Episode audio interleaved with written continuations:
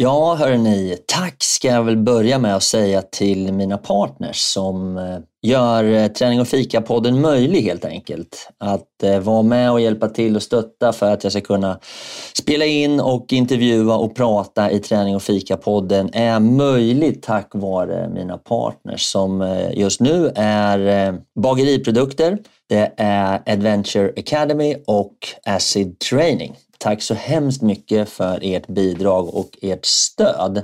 Sen kan man ju då som privatperson också gå in och stötta produktionen genom att eh, ge ett litet bidrag på till exempel Patreon. Det uppskattas väldigt mycket.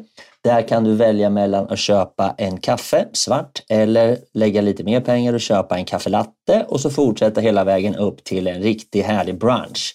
Så ja, tveka inte. Gå in och stötta lite. Det behövs och jag blir glad. Tack ska ni ha. Nu kör vi igång!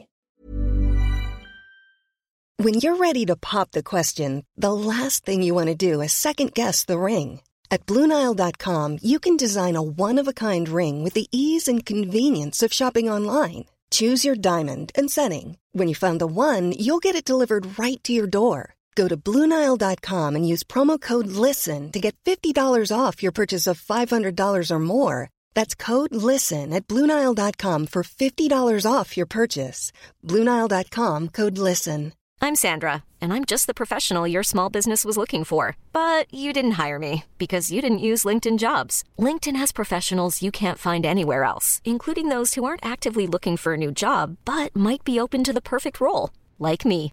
In a given month, over 70% of LinkedIn users don't visit other leading job sites. So if you're not looking on LinkedIn, you'll miss out on great candidates like Sandra. Start hiring professionals like a professional. Post your free job on linkedin.com/achieve today. Hey, it's Ryan Reynolds and I'm here with Keith, co-star of my upcoming film If, only in theaters May 17th. Do you want to tell people the big news? All right, I'll do it. Sign up now and you'll get unlimited for $15 a month in six months of Paramount Plus Essential Plan on us. Mintmobile.com slash switch. Upfront payment of $45 equivalent to $15 per month. Unlimited over 40 gigabytes per month. Face lower speeds. Videos at 480p. Active Mint customers by 531.24 get six months of Paramount Plus Essential Plan. Auto renews after six months. Offer ends May 31st, 2024. Separate Paramount Plus registration required. Terms and conditions apply if rated PG. Vi har ju ganska ofta människor som inte ens vet hur man sätter upp ett tält. Ja, men gud ja. Vi har haft flera elever som aldrig har sovit tält innan. Det tycker jag är det allra roligaste. Ja. De här som har eh, ja. gjort extrema äventyr tidigare, de är också supervälkomna och har ofta väldigt, väldigt stor nytta av utbildningen också och skapar sig ett bra nätverk. Men vi tycker ju att det är allra roligast de som har eh, lite mindre erfarenhet, som kanske inte har sovit i tält så mycket eller inte alls. Där blir ju inlärnings, mm, äh, inlärningskurvan, ja, men den blir ju stor, man lär sig väldigt, väldigt mycket.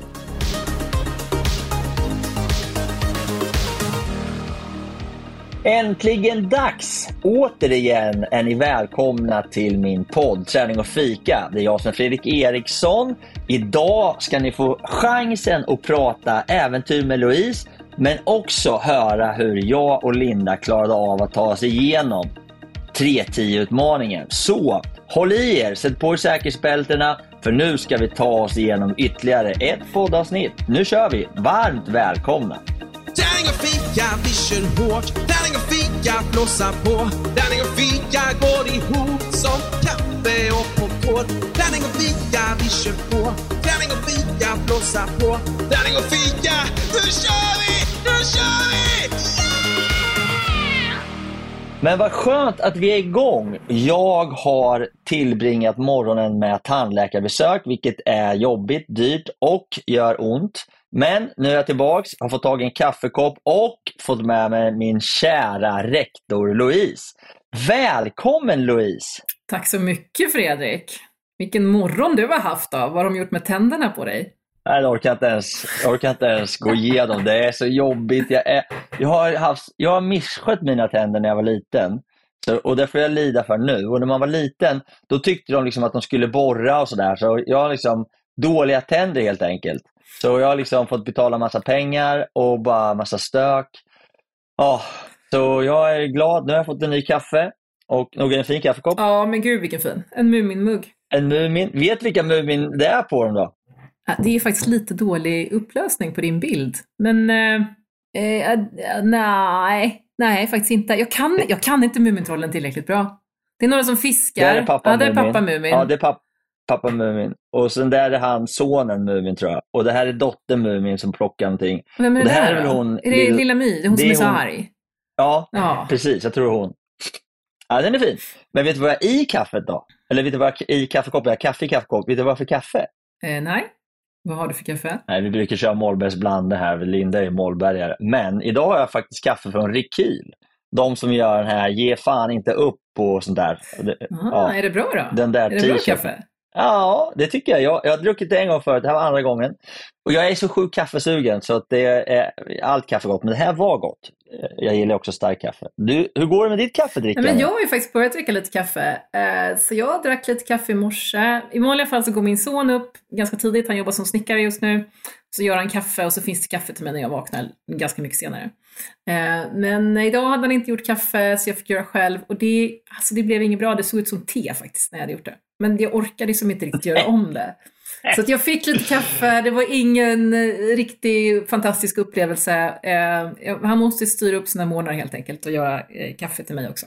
Ja, det förstår Men jag Det är tror att att vara Men du- 19 och börja jobba, liksom, bli hämtad halv sju Ja. för att åka på snickarjobb, då orkar man som inte göra kaffe innan. Nej, nej, jag förstår. Men det är bra gjort av honom att vara uppe. I morse så där dags så var jag på gymmet såklart. Ja, såklart. Alltid. Jag låg och sov. Ja, jag dragit mitt gympass redan. Du, vad heter jag tänkte, är det han sonen som har varit i Frankrike eller? Ja, han var ju i Frankrike i somras och meckade cykel åt ett britt, Ja. en brittisk researrangör. Så han har cyklat downhill och mekat cykel och förmodligen druckit, man kan gissa en och annan öl också. Ja, cykel, öl och kaffe. Kan livet bli bättre? Nej, förmodligen inte. Förmodligen inte. Hörru du Louise, vad heter det? Jag gläds lite faktiskt på riktigt åt att du har börjat dricka lite kaffe, fast du dricker te nu ser jag. Ja, nu är det te. Nu, nu gav jag upp det där Mm. kaffet för Ja. dagen. Ja, men kaffet ska ju vara varmt, lagom varmt och svart och starkt. Du har Ja. mjölk i eller? Ja, men jag har ju havremjölk, sån här riktigt fet havremjölk, sån här barista-havremjölk Mm. och lite muscovadosocker. Så det är lite som att käka en efterrätt. Liksom. Det är väldigt gott. Det är nog därför jag började dricka kaffe. Det är inte riktigt kaffe det där, du. det hör jag Nej. lagväg. Det... Och då blir ju själva sorten inte så viktig, Nej, för då eller hur? Det spelar inte så stor roll, annat. för det är muscovadosockret och, och den här havremjölken, den gör att det blir liksom lite speciell smak på det. Men vad är det för socker? Ja, men det är väl Är det speciellt, Ja, eller? men det är väl ja, rårörssocker som är, det är ju väldigt brunt och lite kladdigt, så det är väl som liksom socker i sin, på något sätt, lite mer ursprungsform. Det vita sockret Sånt är ju väldigt raffinerat. Ehm, Ja, verkligen. verkligen. mm. Men hörru du, om vi idag så tänkte jag att vi skulle prata en del om Adventure Academy, där du är rektor. Ja! Ja, och den, Eh, eh, vi har några saker på agendan gällande Adventure Academy. För det första tänkte jag att vi skulle göra en summering av året som gick med de 20 eleverna som gick i Adventure Academy som var på Hellweek uppe i Sälen. Eh, En liten snabb summering där utifrån rektorns perspektiv och sen så tänkte jag att vi skulle gå igenom årets schema lite grann. Vad som ligger planerat för de som blir antagna i år. Och sen så tänkte jag vi skulle prata lite kort om Hellweek och inspirera folk att söka också, även fast de Ja, även fast de var då. Vi låter den hänga lite där så ska vi se. Men om vi börjar med att du får sticka ut hakan. Jag har ju en tendens, som du vet Louise, att säga till alla elever som har gått ut kursen att det här var den bästa klassen någonsin. Jo, vi, vi vet. Ja. Ja, och, eh, men det, jag tänkte om du, vi, vi bortser från om de är bäst eller inte, men om vi kan summera klassen i år lite grann. Kommer du, har du någon, några sådana här eh, summeringspoänger som vi hade från i år? Ja, men jag tycker ju att årets Hell Week, det var ju en fantastisk upplevelse. Det, det tror jag är, är bästa Hell Week ever. Faktiskt, för att, gå på din retorik där, att det här var det bästa året. Och det var ju någonting, alltså det var ju någonting som hände på årets Hell Week. Det blev, eh, det blev en fantastisk gruppgemenskap.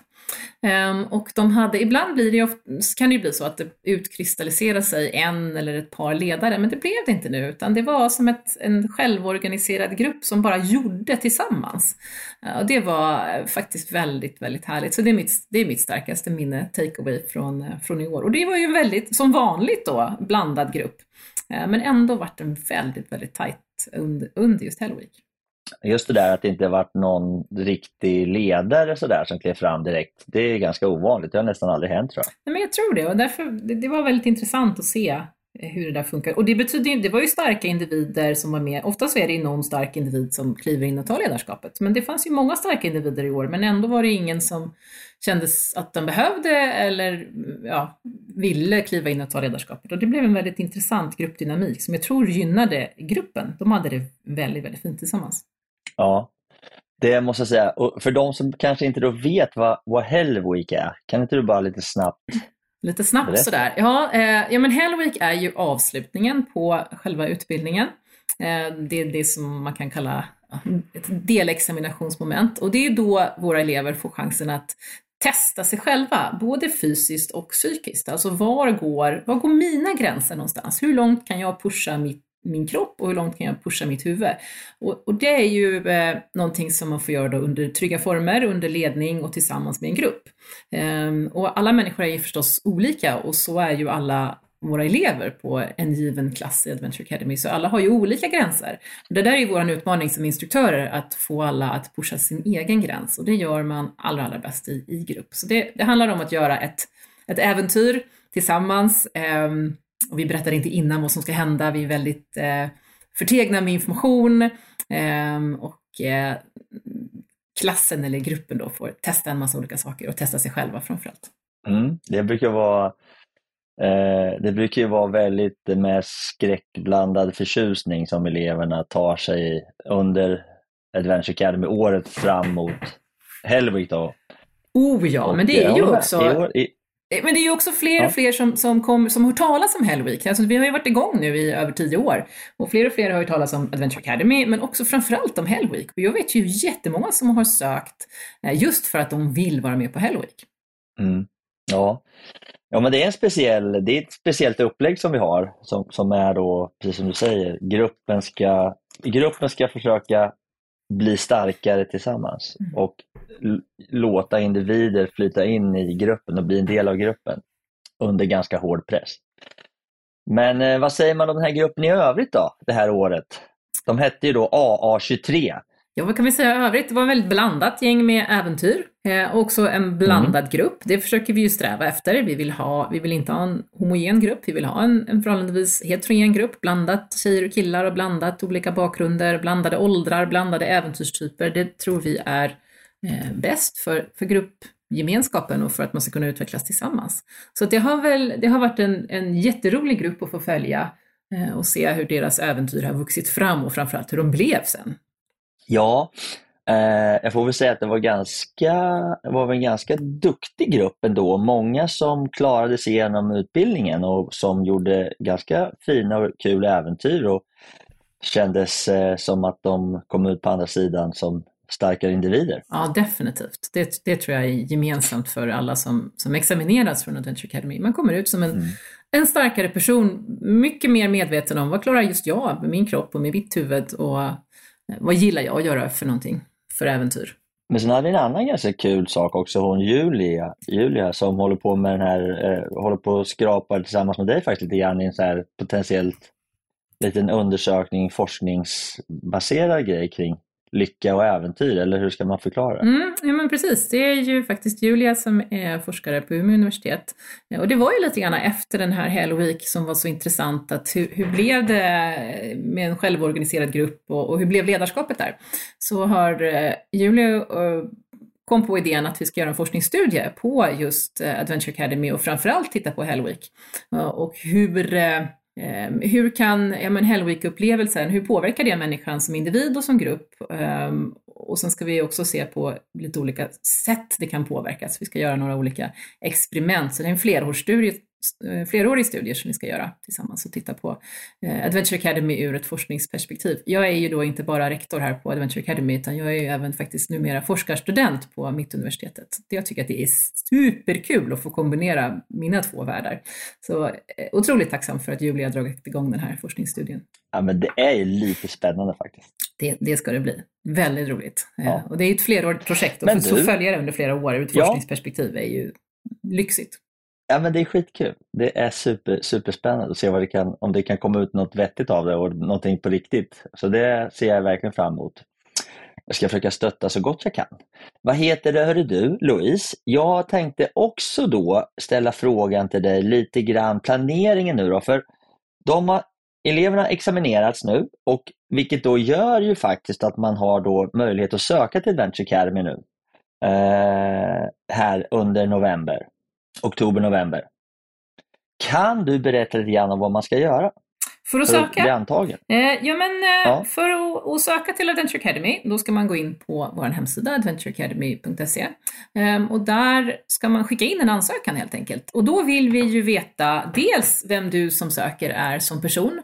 Så eh, skriv ihop en, en, någon slags CV och det behöver ju inte vara vad man har jobbat med för jämnan, utan snarare någon slags äventyrs-CV. Vad är du för person inom eh, friluftsliv, eh, utomhus, kring äventyr, vad har du gjort innan och vad vill du göra framåt? Så dels det, en beskrivning över vem du är och har du ett CV, jobb-CV, ja men lägg med det också, det funkar också. Eh, men komplettera med äventyrsbiten. Ehm, och eh, sen vill vi att du funderar igenom vad just du vill göra för äventyr under ditt år då. Så under det här äventyrsutbildningsåret så får du planera ett äventyr som sen ska genomföras sommaren 2024. Så i din ansökan vill vi att du beskriver eh, vad det är för äventyr du vill göra. Och det här kan ju kännas eh, svårt för en del att säga, åh, jag vet inte riktigt vad jag ska göra. Men skriv då någonting som du drömmer om att göra och är det inte exakt planerat eh, så går det mycket väl att utveckla under tiden. Och det är ju, så gör ju de flesta och det är det som är poängen med utbildningen. Att eh, utifrån en idé ta fram ett färdigt äventyr med en projektplan och sen genomföra det nästa sommar. Till saken ska väl också höra då att, att eh, man, om man inte har så här blytungt äventyrs-CV som de flesta inte har, så kan man ju precis som du sa skicka in lite bara så här kontaktuppgifter och vad man, om man har, tycker det är kul. Men det spelar inte så stor roll. Men grejen är det här lilla äventyret då som man ska försöka få fram. Då ska vi också säga Louise att det är så förspänt på Adventure Academy att man får ju varsin mentor. Som kopplas till dig och ditt äventyr. Kan du berätta lite grann om det? För det är rätt annorlunda. Men det är nog en av de stora fördelarna med Adventure Academy. Så du, när du blir antagen till Adventure Academy så får du en mentor. Eh, och vem du får som mentor, det beror på vad du har valt att göra för typ av äventyr. Eh, så vi har ett, ett eh, stort antal instruktörer som då får ett Eh, några mentorselever var. Och den här mentorn eh, kommer att stödja dig under hela utbildningsåret och hjälpa dig att ta fram en projektplan och hjälpa dig att tänka, ska jag göra så här, ska jag göra så här, vad finns det för risker, vad finns det för möjligheter, hur kan jag skruva om det här äventyret för att det ska bli både roligt, intressant och framförallt säkert att göra. Ja, det är väldigt lyxigt. Och sen eh, försöker vi då hitta mentorer från vår ledarstab som har gjort liknande saker, vilket också då är Eh, gör att det blir då förhoppningsvis då väldigt mycket kunskapsöverföring och möjlighet till bollplankfunderingar. Så att det äventyr man söker in med, det behöver absolut inte vara mer än några rader om en dröm.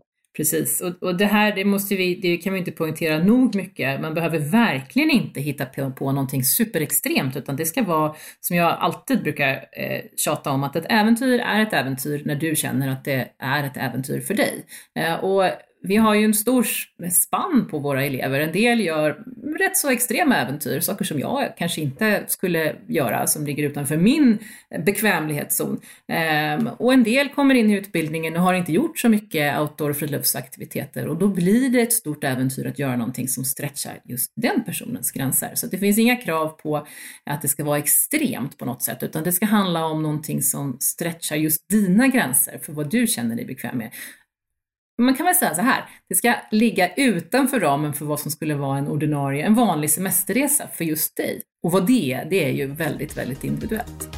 Skitbra. Men du, om man nu sen då blir antagen, yes. hur ser ett år ut? Ja, men det, Skulle rektorn kunna förklara ja, det vad man får gå igenom? Det. Ja, men vi, jo då, vi har ett schema för året. Eh, ja, men året går ju ut på att du ska bli förberedd på, eh, kunna förbereda dig på att genomföra det här äventyret. Eh, och det handlar om att, att, ta fram en projektplan och lära sig en massa saker om, om friluftsliv men också projektplanering, om sociala media och storytelling och sådana saker också. Eh, så vi börjar i december, i början av december, 5 till och med. Eh, och då har vi ett digitalt introduktionsmöte där vi får träffa varandra, lära känna varandra, eh, men också få reda på mera kring utbildningsprogrammet och, vad som ska ske under året. Så vi börjar med en digital träff och det är också mycket för att möjliggöra för eh, att vi inte har alla träffar på ett ställe, för att möjliggöra för en, en ja, mer spridning helt enkelt på var man bor någonstans. Jag bor ju inte i Stockholm till exempel. Nej, och de flesta som går Adventure Academy är spridda över, över Sverige. Har, har, har alltid varit så också. Så det, det är ändå lättare nu för oss. Eh, annars har det varit så att vi har tagit kursen till olika ställen, men nu har vi också möjligheten att köra digitalt, vilket vi har gjort de senaste åren. Då. Precis, så vi börjar digitalt och mm. sen i början av januari, den 12 eh, januari, så träffas vi i Stockholm och då ska vi eh, få en genomgång kring hypotermi och få prova på att bada isvaksbad. Vad som händer med kroppen när den utsätts för kyla under en längre tid och hur kan man förbereda sig för, för det här helt enkelt. Eh, så då har vi ett isvaksbad och det där numera, eller hur Fredrik? Nu börjar ju folk ha badat mycket eh, kallbad och folk är ju rätt vana vid det där. Men Kallbad är en annan sak. Det här är bada med eh, kläder på, kanske till och med lite utrustning på. Eh, vara i vattnet ett tag tills man blir ganska ordentligt nedkyld och framförallt sen ska man ju klara av att få av sig alla de här kläderna och utrustningen. Ta sig upp själv ur en vak, förstås under trygga former. Vi är många instruktörer där och hjälper till. Eh, så det brukar vara en, en häftig och lite magpirr upplevelse för de som inte tycker om att bli kalla. Mm. Och vad gör vi sen då? Sen, sen fortsätter så vi. fortsätter vi ja. in i februari och eh, då har vi en digital träff när vi pratar projektledning och äventyrsplanering. Ehm, och då hjälper vi er att få verktyg som man kan använda sig av hur man ska planera sitt eh, eh, göra sin projektplan, hur man ska göra kring riskhantering. Så det är också en, en digital träff. Lite senare i februari så ses vi igen och då ska vi klättra, en grundkurs i klättring inomhus ehm, och en eh, friluftssjukvårdsutbildning. Och de här två, det gör vi på plats eh, och då är vi i Stockholm. Det brukar vara superuppskattat, eh, bägge delar. Har man inte klättrat förut är det väldigt roligt och sjukvårdsutbildning i friluftslivet är bra för alla, i alla lägen. Mm.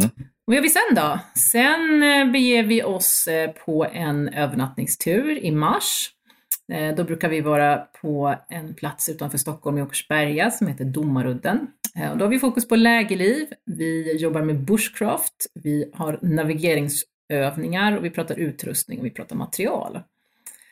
Eh, då brukar vi också få besök av några av våra partners, för vi har ju partners också på utbildningen. Kan du säga någonting om det Fredrik? Mm.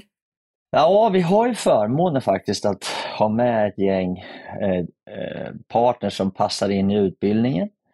Eh, alltifrån eh, ja, Out North då, som är butiken som vi jobbar med som har eget varumärke, bland annat Urberg. Då. Men sen har vi Victorinox, vi har RAB ryggsäckar, vi har eh, eh Low Alpine, eh, vi har eh, skarpa skor, ja vi har ett gäng jättebra partners som då är med och hjälper till med utbildningen på ett fantastiskt bra sätt. Så Vissa av dem är då mer kopplade till själva utbildnings, utbildningsmoment än andra. Men det är väldigt uppskattat. De kan ju väldigt mycket om sina grejer och det finns ju mycket saker som man vill ha reda på som elev eller när man ska genomföra sin sitt äventyr då, gällande val av produkter och varför och hej och så, så det är också väldigt uppskattat faktiskt. Det sker ju så otroligt mycket på utrustningsfronten, både att få fram smartare prylar eh, men också mer miljövänliga prylar. Så det brukar våra partners vara superduktiga med att eh, bidra med sin eh, stora kunskap kring. Så det är också ett, ja. ett bra moment i utbildningen. Eh, sen går vi vidare och i april så ses vi två gånger. Vi ses en gång digitalt. Då pratar vi sociala medier, film och foto och storytelling. För det är ju faktiskt en del i, i för många att vilja eh, inspirera andra och kommunicera via sociala medier, göra en film och ta bilder och berätta då sin story, varför man har valt att göra det, det äventyret man gör. Eh, så då ses vi digitalt. Vi har en av våra instruktörer är en fantastiskt duktig fotograf som har en, eh, en kurs i foto och filmning då. Ehm, ja. Och sen i slutet av april, då ses vi i Göteborg. Eh, då får vi möjlighet att besöka en av våra partners som är Out North och även klättra utomhus på klippa i eh, Göteborg. Så då får vi dra nytta av de kunskaper vi har fått när vi har klättrat inomhus och ta klättringen utomhus helt enkelt. Det brukar vara superhärligt att möta våren i, på Bohus klipper. Eh, här där jag bor är ju full vinter i slutet av april, så det är ju alltid härligt att få åka ner till värmen, om det är det, på västkusten. Så nu har vi betat av. Vi har betat av hypotermi, kallbad, vi har betat av bushcraft, lägerliv, vi har betat av klättring. Ja, precis. Har vi mer? Sen vill vi paddla. Det gör vi i början av Just maj. Ehm, Så då ses vi i Stockholm och då eh, sticker vi ut och paddlar ehm, och får en, en kurs i, i helt enkelt eh, hur man ska hantera situationer om man ramlar i vattnet, kamraträddning och vad man ska tänka på när man eh, paddlar en kortare eller längre tur. Ehm, Mm. Och då gör vi också en övernattning då. Eh, Och så får vi ytterligare Mm. tillfällen att eh, ja, men, lära oss mer om navigering och utbyta erfarenheter och kunskaper om, om just om lägerliv och hur man ska hantera olika utrustning och så vidare. Eh, Så det är Mm. i maj och sen i slutet av maj, början av juni så är det dags för Hell Week. Just det. Och det är ju den, den ultimata prövningen helt enkelt. Som vi sa tidigare då, att då ska man få testa sina fysiska och psykiska gränser. Och vi berättar inte så mycket om eh, eh, vad man ska göra, utan det blir eh, mycket överraskningsmoment. Och det är ju en del i det hela, att man ska eh, ja, men helt enkelt få möta det okända helt enkelt. Man ska inte kunna planera så mycket. Vad, hur, hur reagerar jag? Hur reagerar min kropp och mitt huvud när jag inte vet på förhand exakt vad som ska hända? Det är rätt tufft för de flesta. Vi är ju rätt så mycket, mm, i alla fall jag, många människor är rätt så kontroll, eh, vill ha lite koll på vad som ska hända. Mm, verkligen. Ja, men det blir spännande. Vi återkommer till de som blir antagna. Får de reda på det dagen innan vart de ska åka?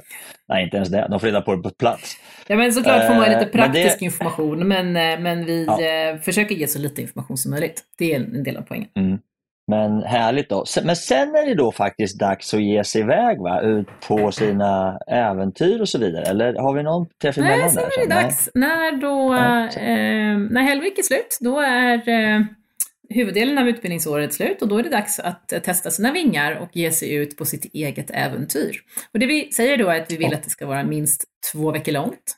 Eh, och sen är det ju upp till, eh, till dig som elev att bestämma eh, helt enkelt eh, vad du ska göra. Och det har du ju fått planera då under året. En del sticker iväg ganska direkt i juni och en del har äventyr som lämpar sig bäst att göra senare på sommaren.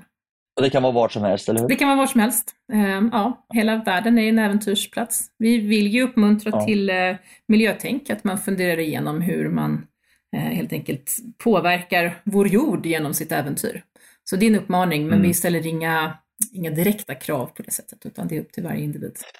Man måste ju inte göra sitt äventyr själv heller. Man kan göra det med vänner och släkt eller familj, men man ska vara projektledare och, och vara ansvarig för projektet. Det är så vi har sagt. Precis, det stämmer. En del äventyr är ju faktiskt direkt olämpliga att göra ensamma, så då är det ju väldigt bra att, Mm. att ta med. Och, och man kan ju leva i en sån situation att man helt enkelt inte kan dra iväg själv. Man behöver ta med sig Nej. sina barn eller vad det kan vara. Och det ska man ju såklart Ja. göra då. Det är ju, tycker jag, eh, tycker nog du också, ännu roligare att få äventyra med eh, om man får med sig barnen. Ja, det är roligare att göra saker tillsammans, Ja, det är helt, helt klart. Men eh, under den här tiden då så har man då jobbat med sin, pro, sin mentor och man har då fått input gällande riskplanering, budgetar och eh, ja, allting sånt där för att få ordning på sin, eh, sin projektplan som man då sen får godkänt innan äventyret och sen ger man sig ut på äventyr och så har man minst två fantastiska veckor ute någonstans. Och sen kommer man tillbaks och så avslutar vi då tillsammans med filmvisning. Precis, en del i, i eh, att bli examinerad från Adventure Academy, det är ju förutom att man ska göra sitt äventyr, är ju att eh, producera en film om sitt äventyr. Som är, det behöver inte vara så lång, utan det är några minuter lång eh, film. Men att berätta då på filmen vad det är man har gjort eh, och visa upp ja, men lite grann från sitt äventyr helt enkelt. Eh, och då ses vi allihopa i eh, september för en examinationskväll och titta på varandras filmer och eftersnacka och helt enkelt träffas igen. Och så får man då, om man har klarat av det här, sitt diplom Mm. från utbildningen. Mycket glädje, mycket kram, mycket kärlek. Alla är så himla härliga då om man lärt känna varandra och hängt i ett helt år. Så det brukar vara fantastiskt kul. Ja men och på tal om det, så en av de stora grejerna som uppskattas verkligen med Adventure Academy, det är ju att man får ett fantastiskt nätverk av, av friluftskompisar, äventyrskompisar. Ehm, Man får helt enkelt fler att göra, fler kompisar att göra äventyr med. Ett, ett riktigt, riktigt bra nätverk som de, väl, de allra, allra flesta har god nytta av framåt eh, i livet. Ja. Nej, det är kul. Men du Louise, om man då skulle, om du skulle ge något litet tips då, om man skulle eh, ge något så här, de som lyssnar på podden har, och är intresserade av Adventure Academy, några tips? Ja, men ett tips, det, det är väl det självklara, sök, kom med. Ehm, det är ett fantastiskt roligt år. Eh, och, och, ett annat tips är väl om du är osäker på vad du eh, vill göra för äventyr, så fundera på vad du drömmer om att göra. Och skriv ner några rader kring det. Ditt äventyr går alltid att utveckla under året och det går att ändra förstås också. Ehm, så skriv ner vad du drömmer om och börja skriva, börja fundera. en tanke kan leda till en annan ehm, och sen under planeringsåret så, så kan det ju förstås utvecklas och ändras då, som sagt. Så det är väl ett tips. Mm. Och man behöver inte vara proffs. Man behöver knappt, vi har ju ganska ofta människor som inte ens vet hur man sätter upp ett tält. Ja, men gud ja. Vi har haft flera elever som aldrig har sovit tält innan. Det tycker jag är det allra roligaste. Ja. De här som har eh, ja. gjort extrema äventyr tidigare, de är också supervälkomna och har ofta väldigt, väldigt stor nytta av utbildningen också och skapar sig ett bra nätverk. Men vi tycker ju att det är allra roligast de som har eh, lite mindre erfarenhet, som kanske inte har sovit i tält så mycket eller inte alls. Där blir ju inlärnings, mm, inlärningskurvan jätte, ja men den blir ju stor, man lär sig väldigt, väldigt mycket. Ja, men vad hade vi förra året? Det var förra, förra året. Jag tror vi hade en kille som hade bestigit Everest och så var det en tjej som inte visste hur man satte upp sitt tält. Och då blir det ganska härlig dynamik i en sån här grupp, kopplat till alla ledare och mentorer som är med och hjälps åt. Liksom, och sen är det högt och lågt och det blir väldigt bra stämning och väldigt trevligt. Det, blir, det brukar bli väldigt, väldigt, ja. väldigt bra. Eh, och sen är det ju många som är oroliga för sig, men jag är kanske inte tränad nog, hur ska det gå? Det behöver man inte heller vara. Man behöver vara, eller bli tränad nog för att göra det äventyr man planerar att göra. Men behöver, behöver absolut mm. inte vara någon sån här superfreak som, som Fredrik här då, som kör tre pass om dagen. Eh, eller någon ultratriatlet liksom. behövs inte. Nej, men verkligen inte. Verkligen inte. Och du behöver inte ha massa prylar heller. Nej. Ja, men vad bra. Hopp hoppas vi nu då att någon som har lyssnat blir taggad och skickar in sin ansökan som landar hos dig och mig och, och tillsammans med juryn. Eh, och sen så kommer vi höra av oss till de som blir antagna. Och eh, sen så blir det ett, nästan ett år fyllt av härliga möten, utbildningar och ett stort äventyr. Det ser vi fram emot. Vi hoppas att just du som lyssnar nu eh, tar steget och söker till utbildningen. Såklart!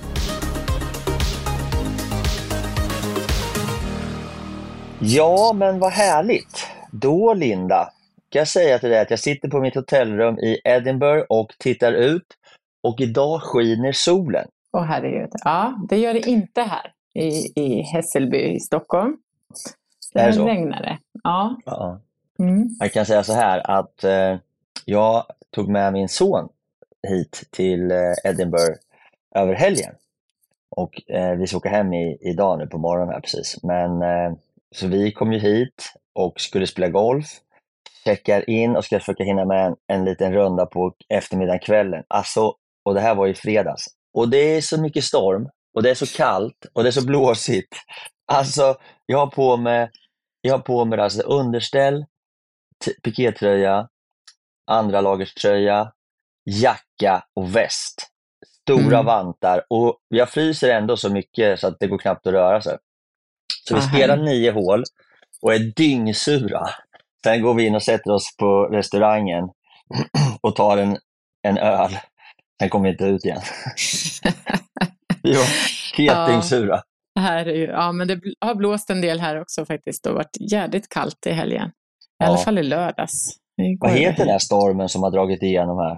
Nej, vet du, jag vet inte riktigt. Den, den, het, den hette ju någonting. Den hette något, ja. Så ja den har väl ett namn som vanligt. Ja, mm. såklart. Och den, den drog ju från England till Danmark och vidare upp till Sverige. Så den, mm. har väl lämnat, den har lämnat Skottland nu. Det är jättefint. Så egentligen skulle vi ha gått på fotboll, jag och Oliver, i, i söndags. Eh, för Olivers bästa kompis, Gustav Lagerbielke, han spelar i Celtic. Så mm. vi skulle gå och kolla på matchen, Celtic Hearts. Hart är ju ett av de två lagen i, i Edinburgh. Det finns, eh, det finns ju två lag i, i, i Glasgow, där, Hart, eh, där eh, Rangers och, och Celtic och sen finns det två lag här som mm. Hogs tror jag de heter och så eh, Hart. Så det, så det, var, det var ett eh, stort derby här som Celtic vann med 4-1, men Gurra spelade inte. Nej. Så, då bestäm, då, nej, det var, så, så det var ju synd på ena sättet, men samtidigt så bestämde vi att vi, han kommer hämta upp oss och så stack vi iväg och spelade golf eh, i söndags. Så det var jättetrevligt eh, och, och lira golf och eh, vi hade inte riktigt tänkt att spela golf på söndagen. Utan vi hade tänkt att spela på den här Dalmahoy som det hette, så vi spelade en runda i fredags och en i lördag. Sen skulle vi kolla mm. på matchen i söndags, men i och med att Gurra inte spelade så sket vi att gå på matchen och då så hamnade vi på Long Nidri. det var ju roliga namn. Så vi var, jag var ute vid kusten på Long Nidri Golf och spelade där. Och eh, Det var ju ganska kul att hänga med Gustav då, för att han, han är ju proffs här nu. Han har ju spelat, han, jag var hans första tränare, så att eh, mm. han, eh, han eh, är ju fotbollsspelare och har då spelat i Elfsborg och Degerfors. Och, men jag hade honom som tränare då, från början. Så att eh, det var kul att höra om han berättar hur han har det här och, och var proffs och så vidare. Och, eh, det var lite kul ändå för han berättar nu, de, Celtic spelar i Champions League och det är liksom det, det coolaste som finns. Och nu ska de åka ner och spela mot Atletico Madrid och, och, han, och då spelar han bland annat mot han, Antonio Griezmann som ja, har eh, stjärna i franska landslaget. Och liksom, ja, men det är storklubbar och riktigt bra spelare. Han berättar att det går ju fort. Alltså. De är, mm. Det är må många duktiga spelare och det är, liksom, det, det, är lite skillnad på allsvenskan och på, på eh, Champions League. Liksom. Ja, jag kan tänka mig det. Ja, alltså visar han ja. träningsanläggningen och ja, du vet. Alltså det, här, mhm. det är fantastiskt coolt. Och, och, och liksom, jag var hans första tränare, så det är lite kul. Jag känner mig lite, lite, lite delaktig i hans karriär. Väldigt lite ja. faktiskt, men, men det är kul. Så, ja. Han är en jäkla fin kille och duktig fotbollsspelare och härlig person överhuvudtaget. Så det var kul att hänga med honom och ja, se hur han, hur han har det och eh, se hur kul han och Oliver har också. Så att, eh, det, var jätte, det var roligt faktiskt. Det var nästan roligare än att sitta på läktaren och titta på när han spelar. Liksom. Mm. Så, ja. men klassa, hur gick det i golfen då? Ja, det gick väl sådär. Oliver vann, Gustav kom tvåa och jag kom på en hedersam tredjeplats. Mm. Så kan man se det. Mm. mm. Nej, men det, var, det var kul. Det var en väldigt fin bana och det är kul att komma ner mot vattnet och havet där. Det blir lite så seaside. Man får, man får liksom, när man har motvind så är det, då är det stopp och när man har medvind så flyger bollen all världens väg. Liksom. Mm. Fina griner och äh, sen är det så. Det kan man ju säga liksom att jag cyklar mycket med skottar på, eh, i, på Mallis när jag är där och cyklar. Då är det ett gäng skottar där och de är så sjukt trevliga. Jag och Elisabeth var här för ett tag sedan och vi sa samma sak och jag, jag och Oliver säger samma sak nu. Liksom. Vi kommer till driving range till exempel på den här Dalmahoy då. Och så, mm. Som svensk har man inte några kontanter och man har liksom, tror att kreditkortet och Apple Pay kan lösa allt. Så går vi in där liksom och försöker köpa bollar då och såklart, det går inte med kreditkort, man måste ha specialkort och hej och så var det långt till klubbhuset så vi bara stod och bara, nej vi orkar liksom inte. Då kommer det fram en skott och bara, tjena grabbar, äh, ni kan få lite bollar av mig igen. Jag har, jag har så här. Så köper han, köper han bollar då. Så man bara, fan kom du ifrån liksom? Äh, så här, De är bara för trevliga helt enkelt. Det, det slår aldrig fel. Det är, det, jag, det är världens trevligaste folk. Elisabeth har fått för sig att vi ska köpa en, en lägenhet i Skottland någonstans, eller en, så här, en liten cottage. Ja ute någonstans eh, ute på mm. landsbygden här för att hon tycker skottar är så trevliga. Hon har läst för många sådana här Mitt lilla bageri och Mitt lilla hus på landet och såna här, de här böckerna. Så hon har fått för sig att vi ska göra det och jag bara oj, oj. Det, det känns som jag kommer hamna i det där huset och reparera det, bara laga hål i, i väggar och tak och få det att bli varmt. ja,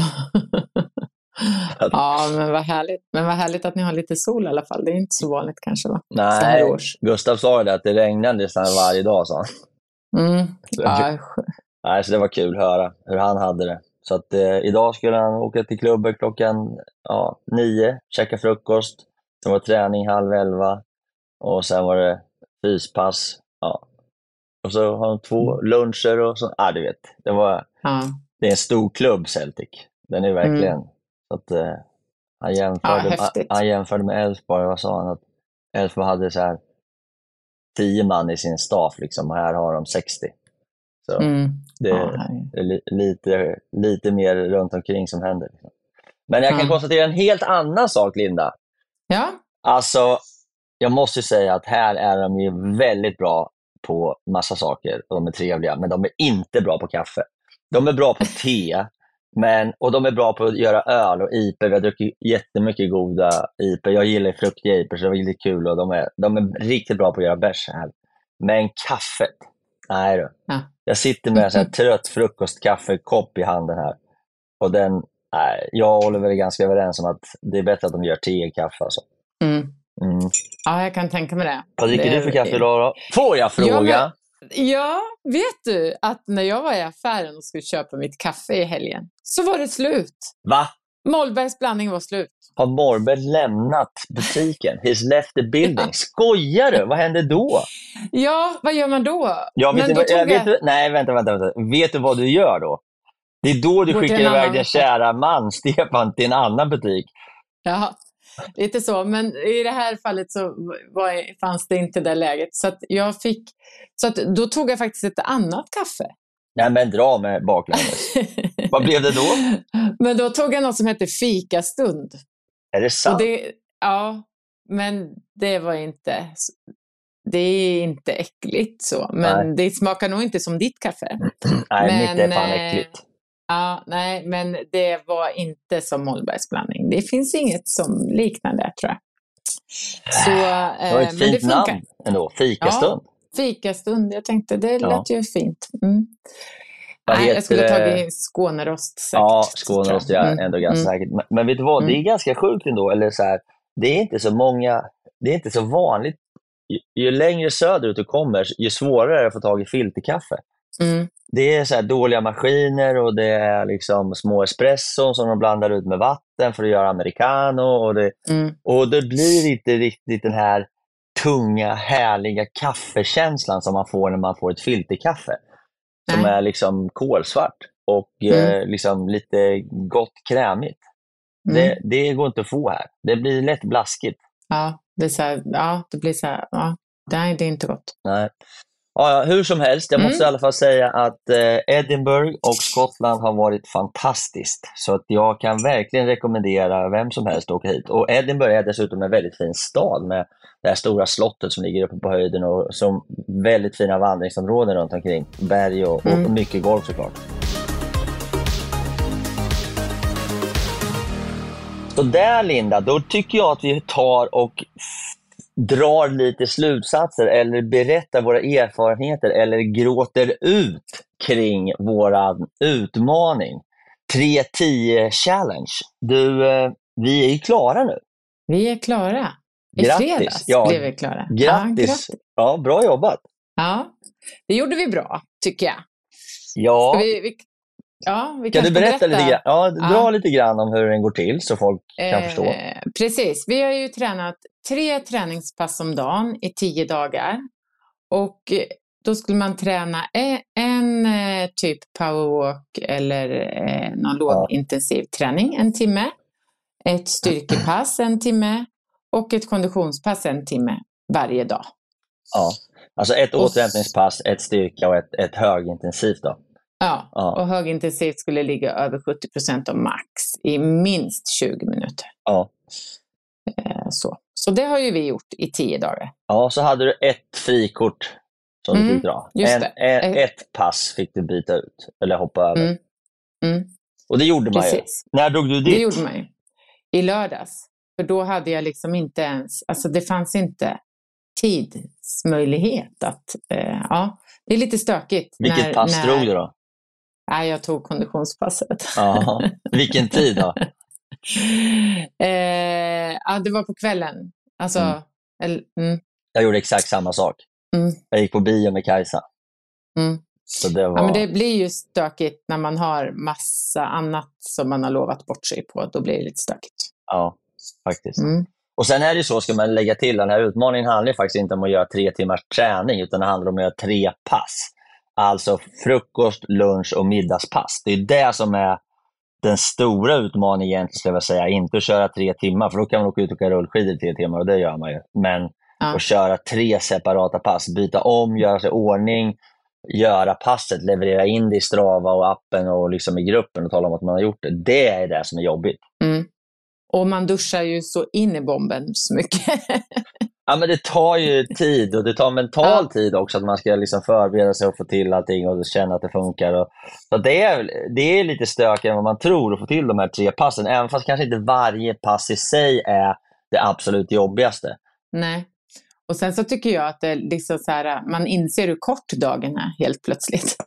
så Ja. Man tycker ibland att dagarna är långa, men det är, ibland är det ju knepigt alltså.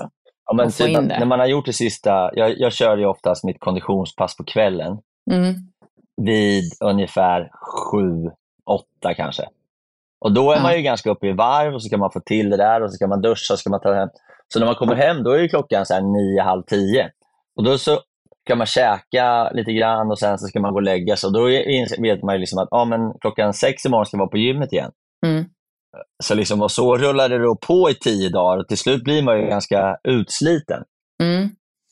Och det märkte man ju, se, alltså när man fick de där sena passen, då är man ju, när man vaknar, är man ju som, jag brukar säga att det känns som bussen har kört över en. Alltså man, lite så. Ja. Eh, men det var, ja, nej men det har gått bra. Ja, men du har, väl, du har väl krigat på väldigt bra, har du inte det? Ja, jo, jag är supernöjd och jag har gjort ganska mycket rolig träning och jag, ja, det har varit kul faktiskt. Ja. Vad har du kört då? Berätta. Eh, när det gäller konditionen då, alltså på styrkan så har jag ju kört eh, lite som vi gör i 8V. Eh, de passen liksom rullande. Så mage, ben, eh, axlar och, och biceps så runt. Ja. Eh, men sen kondition och sen har jag, gått, jag har bara gått promenader tror jag. Ja, det har jag gjort. Och sen konditionspassen så har jag varierat lite. Allt från eh, spinning på sats, jag har varit på acid och tränat, jag har kört själv, eh, jag har sprungit en del. Och ja, Lite blandat. lite så. Lite blandat. Mm. Jättekul faktiskt. Ja, men det var det som var lite poängen. Jag fick ju till ett Mm. sånt här träsklöpningspass också med några polare. Ja, jag såg det. Ja. Du som inte springer. Nej, du vet, det var ju så jävla... Alltså jag har ju artros i mitt knä och ganska ont. Och så har jag inte sprungit. Ah, min läkare sa åt mig liksom att du får inte springa, du får inte spela tennis, du får inte spela innebandy. Alltså massa sådana saker som jag tyckte var kul förr. Mm. Och det var ju kanske sju, Mm. åtta år sedan. Så sen dess har jag inte sprungit, utan jag har liksom på, på med annan träning. Men sen Mm. så dök det upp då en polare som, som, är, som har en, ett träsk, liksom. en, en, en, vad kallar man det för? En, en eh, myr. En klassisk Mm. myr. Och han är skidåkare, så inom skidåkarkretsar så är så här, myrlöpning är ju en av de Mm. ja, klassiska träningsgrejerna som man liksom ser skidåkare komma springande i myren liksom, för att träna, träna kondition, då, liksom, få fart Mm. på pumpen. Så att jag, när han sa att jag har en hemlig myr som finns här i Stockholm som man kan åka till och, och springa. Jag tänkte bara, det kan ju inte stämma. Liksom. Han bara, jo jag lovar, den är grym. Liksom. Så vi var ju fyra kompisar som stack dit då, och eh, ja, alltså jag tog ju fram mina gamla traildojor och caps och försökte liksom ruska fram eh, gamla grejer och på med dem och, och sen eh, joggade, vi, joggade vi iväg och sen kom vi upp till den här myren då. Alltså det var ju helt sjukt. Det var verkligen, alltså det var verkligen massa myr och vatten och sumpmark. Så där Ja. körde vi en så här intervallset då. Eh, en minut, en halv minut vila, två minuter löpning, en minut vila, tre minuter löpning, eh, en och en halv minut vila och så fyra minuter löpning. Och sen vände vi då, så 3, 2, 1 och sen körde vi en, ner, en, ner, en, en sista intervall på fyra minuter. Så, så det var ju ett jäkla hårt pass eh, i sumpmark och pulsen fick jobba hårt. Men det var jäkligt kul. Men det blir väldigt kallt. Alltså, man Ja. frös ju som ett arsle om fötterna. Alltså. Så, eh, Och det var ju ganska kallt också. Alltså det var det ju... snöade den dagen. Ja. Eh, och, och eh, var ju kolsvart. Vi hade palllampor. Det var blött, kallt, snö, blåst. Så det var liksom så hårt det kan bli i Stockholm, typ, kan jag tänka mig. Det var ju riktigt jävla monsterpass. Men sen eh, stack Alltså vi... jävla kul. Ja, men det var skitkul. Verkligen. Och, och jag, det är såklart, jag märker att jag inte har sprungit på 8-7-8 år, men det gick förvånansvärt bra ändå. Liksom. Lite ont i knät efteråt såklart, men eh, in i bastun, hem, pizza och, och eh, bira. Så det var, ja, det var en himla härlig, hi- himla härlig eh, löprunda faktiskt. Mm. Så det var kul. Men jag har gjort samma sak Mm. som dig. Jag har faktiskt då försökt att köra min styrka på morgonen, precis som du med 8 weeks of dedication-passen. De är förvånansvärt bra. De tar ju 45 Mm. minuter ungefär, så jag brukar lägga på några övningar. Och Sen har jag spelat några golfrunder på lunch, lu- kort lunchrunder och lite promenader. Men framför allt har jag då kört intervallpassen på stakmaskin på kvällarna på Sats. Och då har jag kört norska fyror, eller vad Mm. de nu kallas. Du vet, fyra minuters intervaller. Fem stycken sådana. Eh, och då sticker pulsen. Eh, så på Mm. dem, på dem, och så har jag tio minuter uppvärmning, tio minuter nedvärmning. Så att, eh, det har jag kört då åtta sådana. Jag var nere på Acid och körde 18 hål en gång och, och så körde jag sump, eh, träsklöpningen. I övrigt har jag kört, i övrigt har jag kört norska intervaller to hell. Fy fan vad segt det är att komma och ställa sig där och veta att... Och sen har vi ingen bra stakmaskin på Sats Danderyd heller, där jag kör. Den är sån här gammal grå, inte sån här bra svart. Utan, Ah, nej, okej. så att, och då får, eh, dåliga remmar, hand på. Alltså det är bara, ja. Att, men jag gjorde det i alla fall också. Det är andra gången jag gör det och jag måste säga så här att när man kör så här hårt, Linda, jag vet inte hur du resonerar, Mm. men, eller hur, du, hur det påverkar kroppen, men jag, jag märker att efter ett tag så blir man liksom, det blir grundsliten. Liksom. Det blir så här att Mm. du har inte så mycket energi. Det, det är svårt att, liksom, du säger att du blir överkörd av tåget. Ja, ma- men Mm. man blir så här, du blir ju trött överallt. Det Ja. blir liksom nästan som när jag åkte igenom Europa på rullskidor. Jag blev trött bakom ögonlocken. Liksom. Ingenting Mm. känns helt hundra. Nej. Man blir, och sen så hur kroppen är, jag tyckte den var liksom så här, ibland så funkar den och ibland funkar det inte. När man körde styrka, ibland funkar det jättebra och ibland funkar det inte alls. Alltså man kände sig jättesvag. Eh, ja, verkligen sådär upp och ner hela tiden tycker jag. Väldigt mycket.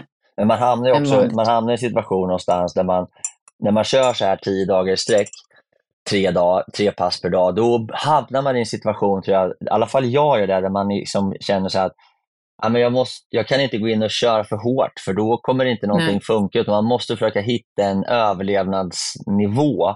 Och just på styrketräningen så känner man ibland att eh, jag kanske inte lägger på mer än 40 kilo på stången och kör bänkpress, men det gör Mm. ingenting.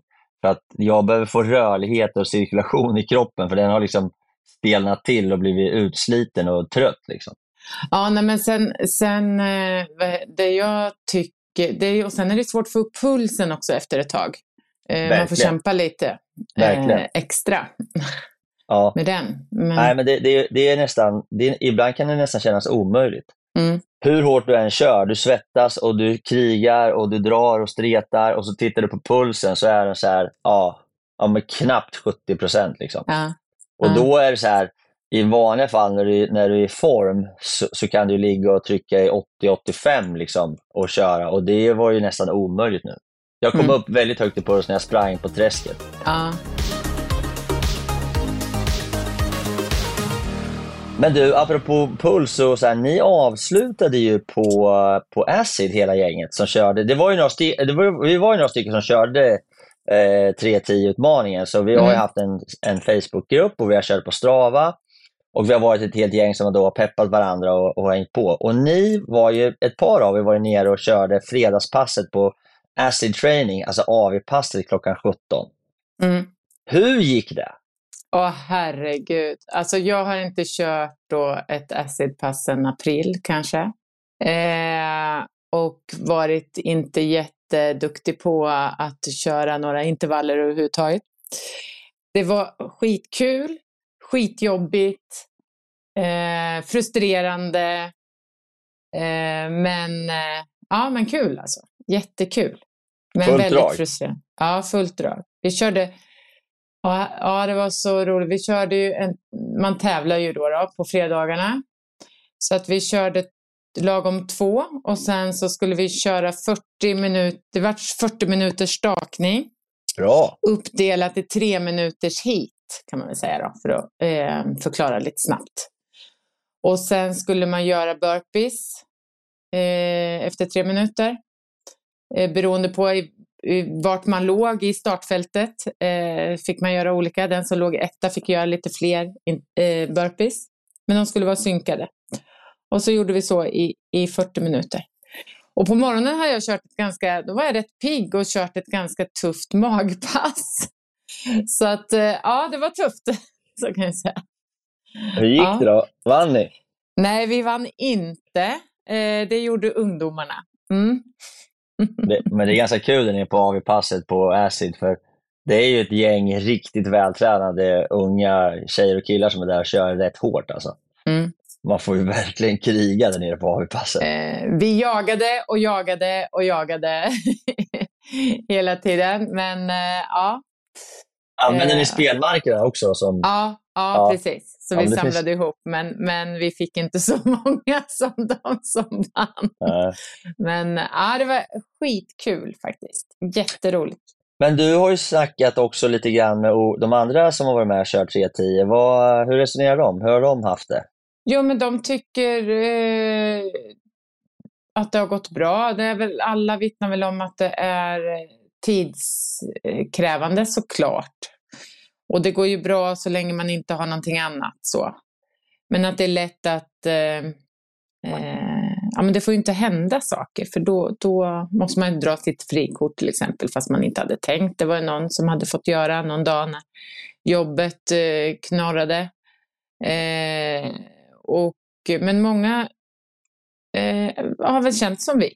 Lite så här halvslitna. Lite svårt att sova tycker jag att det har varit. Och det, det var fler som vittnade om det tror jag. Ja, det där är intressant med sömnen. Mm. För Mm. jag kan tycka så här, när jag har kört hårt, oavsett, men nu speciellt när jag kör 310 så blir det ju ganska ofta sent och ganska ofta hårt och ganska ofta hög puls. Och då har jag problem att sova. För kroppen är liksom inte, har inte riktigt landat i någon typ av sömnläge. Så jag vaknar nästan alltid på natten typ vid ett Mm. och sen ligga Mm. där och titta upp i taket ett tag. Och, sen, och, och då gäller det att inte bli stressad för att man inte sover utan bara försöka chilla och låta det vara liksom, och ligga och fundera och hej och hå. Men, men, men det händer nästan alltid då när jag kört hårt och det händer nästan aldrig när jag har kört, lever som vanligt. Då. Nej. Och det där med Nej, men- sömn kan ju göra att man blir stressad även fast det inte är så farligt. Mm. Ja, men jag- så är det ju också. Ja, förlåt. Nej, men, Nej, och sen att man har blivit, och så har man inte sovit så man har blivit trött på kvällen, lite så här. Eh, ja. Ja, sömnen har varit lite så. men jag kan tycka att det, för mig är det oftast ett problem när jag har kört hårt eller, så här, eller ett problem att jag blir stressad av att jag inte sover. Mm. Vilket jag då försöker liksom mentalt säga att, att det gör ingenting om jag inte sover, bara jag ligger ner och vilar. Då spelar det Mm. ingen roll, för till slut så somnar jag. Mm. Men det är ju väldigt, väldigt jobbigt när man känner stressen för att man känner att man måste få till lite sömn för att man ska upp och köra eh, eller upp och jobba eller vad man nu ska göra tidigt på morgonen. Och då blir det en dålig spiral. Man ligger stressad för att man inte kan sova för att man ja, stressar upp sig själv egentligen. Mm. Ja, Det är ganska precis. mycket snack nu. Jag läste en del på SVT och så här. Det är eh, dialoger om det här med sömn och folk är ju väldigt stressade och eh, är i stort behov av sin, av sin sömn och, och tycker att det är viktigt. Och, det, och vi pratar väldigt mycket om sömnen under Eight Weeks of Dedication Mm.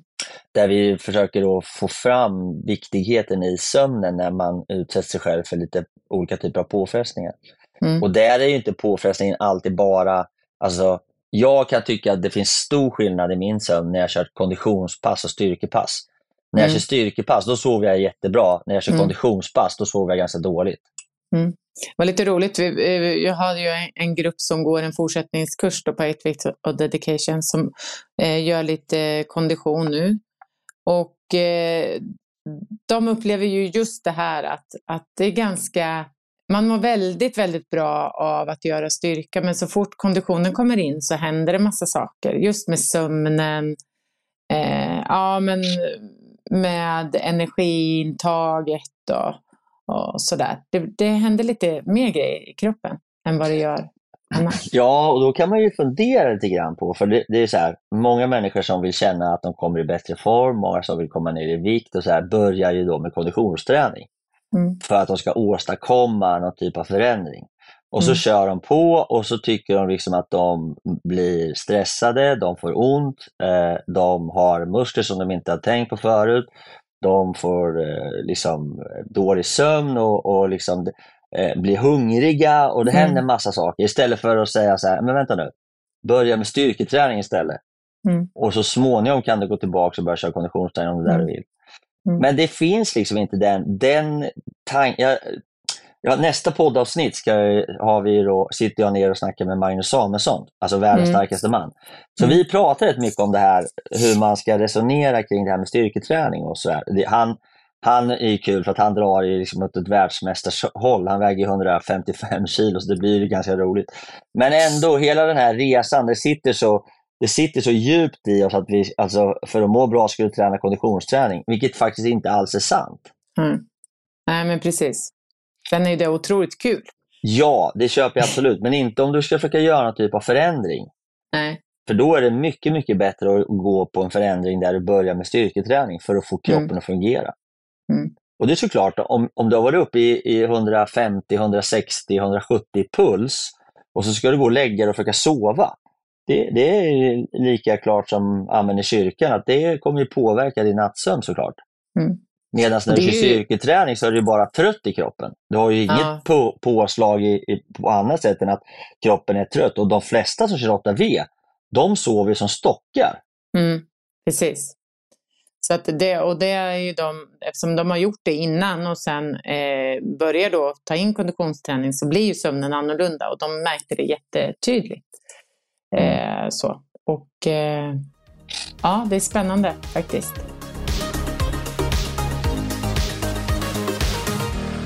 Hörru du, eh, vad heter det? Vi får väl ta och eh, försöka nu vila ut, ladda igång och se vad nästa eh, utmaning och nästa äventyr blir för dig och mig, Linda. Ja, men jag tänkte så här Fredrik, du har ju utmanat mig i det här nu. Så då ja. tänkte jag kanske att, eh, är det inte dags för dig att göra 100 000 steg nu då? Åh herregud. Ja, det kanske man skulle göra. Ja, ja så nu utmanar måste... jag dig ja, ja, i 100 000 steg. Utmaningen är noterad. Utmaningen är nästan accepterad och eh, frågan är bara, bara, jag vågar inte riktigt säga ja så här på stående fot för jag måste få det Det problemet Linda just nu är väl att jag är inne i skidsäsongen. Men ja, jag, eh, jag, säger, jag säger sällan nej till någonting så att eh, du, har en, du har noterat, jag återkommer med datum, men jag utgår i så fall från att vi gör det tillsammans. Absolut, ja. självklart. Mm. Så någon dag när det är riktigt jävla dåligt väder får vi gå ut och gå helt enkelt. ja. ja, det är underbart. Vad kul det ska bli! Ja, eller hur? Ja. Jag räknar kallt med att Stefan är med som serviceman. Ja, absolut. Ja, det lovar jag också. Ja. Och undrar om man... Ja, ja, det blir säkert. Ja. Han ställer upp på allt. Ja, Inga han problem. Är, han är underbar. Hör du Linda, stort tack för idag. Och då tar tack vi sats själv. i nästa avsnitt så eh, blir det då eh, nya spännande saker som vi kommer att prata om. Mm. Toppen! Bra. Ha det bra! Ja.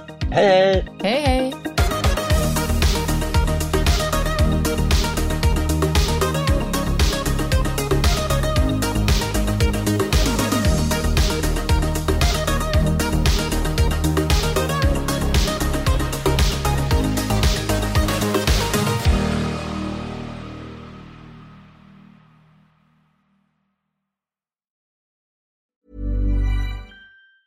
Hi, I'm Daniel, founder of Pretty Litter. Did you know cats tend to hide symptoms of sickness and pain? I learned this the hard way after losing my cat, Gingy. So I created Pretty Litter, a health monitoring litter that helps detect early signs of illness by changing colors, saving you money and potentially your cat's life. Pretty Litter is veterinarian developed, and it's the easiest way to keep tabs on your fur baby's health right at home. Go to prettylitter.com and use code ACAST for 20% off your first order and a free cat toy. Terms and conditions apply. See site for details. Planning for your next trip?